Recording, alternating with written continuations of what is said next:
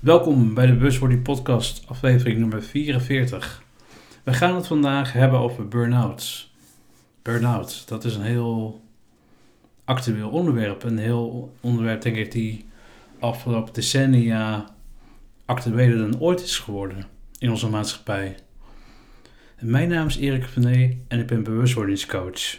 Jij bent de regisseur van jouw leven. En jij kan leren omgaan met de dingen die je hebt meegemaakt en daar het positief uithalen. Ja, ook jij kunt andere mensen inspireren het beste uit hun leven te halen. Hoe mooi is dat eigenlijk? Nu we het toch over hebben. Het mooie, mooie dingen uit het leven halen. En een burn-out is het tegenovergestelde. Een burn-out die komt tot stand door minder leuke dingen uit het verleden, uit het heden. Hoe ontstaat een burn-out? En welke rode draad heb ik zelf ontdekt? Daar gaan we het later in deze podcast eh, over hebben. In deze mooie monoloog.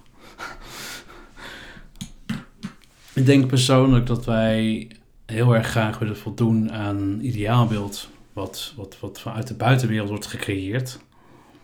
En ik zeg altijd, er is geen slechtere motivatie dan extrinsieke motivatie. Dus eigenlijk motiveer je jezelf door andere mensen. Uh, hè, zo heb ik ook uh, ooit in een grijs verleden ik begonnen aan de rechtenstudie aan de Open Universiteit. Het idee om te kunnen pleiten voor een rechtbank, dat leek me zo gaaf. En misschien had ik al te veel politie-series gezien die, uh, die dat beeld romantiseerden, zeg maar.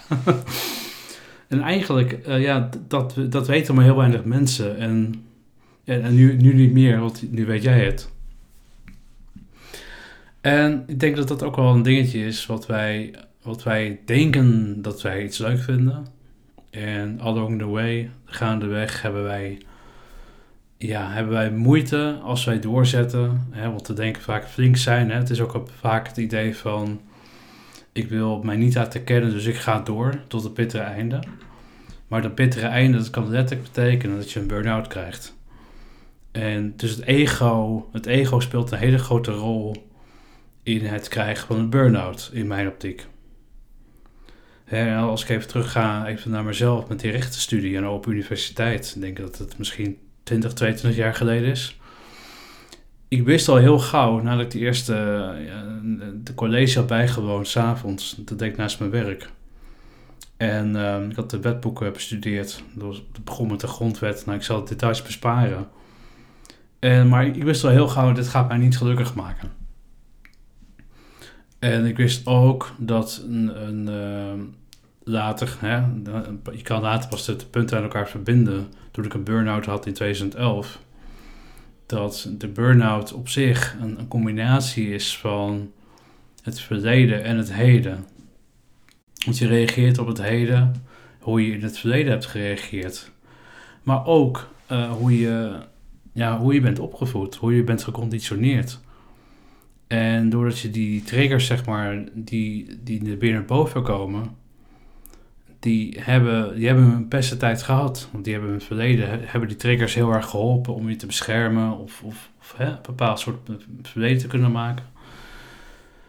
Maar omdat deze triggers zeg maar niet meer helpen in het heden, loop je gewoon heel erg vast. Dus als ik, uh, hè, als ik het even nog, nog meer op mezelf betrek, dan zal ik, laat, ik, laat ik hem even doorpakken.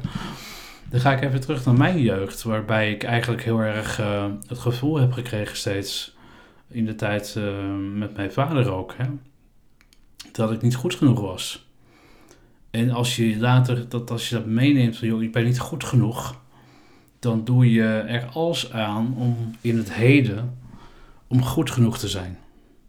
Dus ik ging keihard werken. En dat betekent dus ook dat ik hele hoge eisen aan mezelf stelde, waar ik aan, moest voldoen. En waardoor je eigenlijk op een gegeven moment zegt je lichaam van, ja, wacht even. Het is wel heel erg leuk dat je die eisen aan jezelf stelt.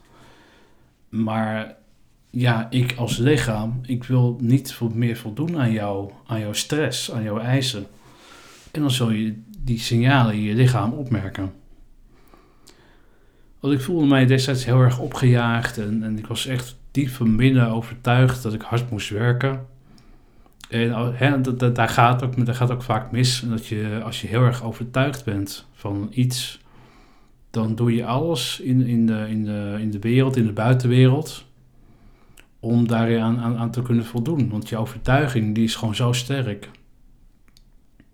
Totdat mijn lichaam signalen aangaf uh, dat het gewoon niet de juiste weg was. Ik voelde echt de pijn bij mijn nieren. En het bijzondere was dat zelfs met de meest uh, sterke pijnstiller, zeg maar, hè, ik denk een dikke dosis uh, ibuprofen, ik de pijn gewoon niet kon stillen. En dat is gewoon ook wel weer een, ja, weer een signaal van wacht even, ik kan een hele hoop oplossen met medicatie en, en, en hulpmiddelen, maar de bron moet aangepakt worden. En de bron was dus de burn-out en de eisen die ik mezelf stelde. En kijk, en ook voor mij, voor mij puur persoonlijk, voor de les, die les die ik heb, eh, heb, heb gehad destijds, voel heel erg, heel erg diep wat je, wat je lichaam wil vertellen. Want je lichaam vertelt je zoveel informatie, wat, wat, wat, wat eigenlijk te, te vertalen is naar je huidige omgeving. Als je stress hebt in je lichaam die die, ja, die, die, die is moe, dan, dan is 1 plus 1 is 2. En vaak zijn we geneigd, oké, we gaan door, omdat we onszelf niet moeten aanstellen. Dat is wat ons is verteld. Maar is het ook zo? Dat is een goede vraag. En als je daarvan bewust bent, dan kun je altijd een afweging maken. Moet ik nu iets doen terwijl mijn lichaam nee zegt? en ik voor mijn ego niet aan de buitenwereld wil laten zien dat ik mij laat kennen, hebben we het net over gehad, laat kennen, of kies ik voor mijzelf? Ja, het is het verhaal van, uh, ja, kies je voor je, hè, wil je gelijk hebben of wil je gelijk krijgen? En hier is het verhaal ook van, joh, kies ik voor mezelf of kies ik voor, voor het ego dat mij dwingt, zeg maar, om dingen te gaan doen die mijn lichaam helemaal niet prettig vindt?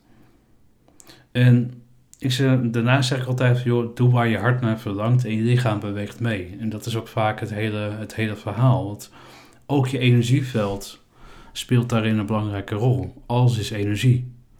Alles staat dus met elkaar in verbinding. En jij kan hier ook een helende rol spelen. En, dat, is, dat maakt het gewoon zo super gaaf. Want je kan zoveel dingen beïnvloeden door alleen al bewust te zijn dat je dingen kunt uh, regelen vanuit je, vanuit je energie. Dus burn-out is, is op zich een hele goede. ik vond dat een hele goede les. En ik ben ook heel dankbaar dat ik dat mocht hebben. En dat klinkt misschien, klinkt misschien heel gek en het is altijd, altijd achteraf. En dit is gewoon heel, heel leerzaam om te kijken, nou ja, wie ben je nou echt en wat wil je nou echt?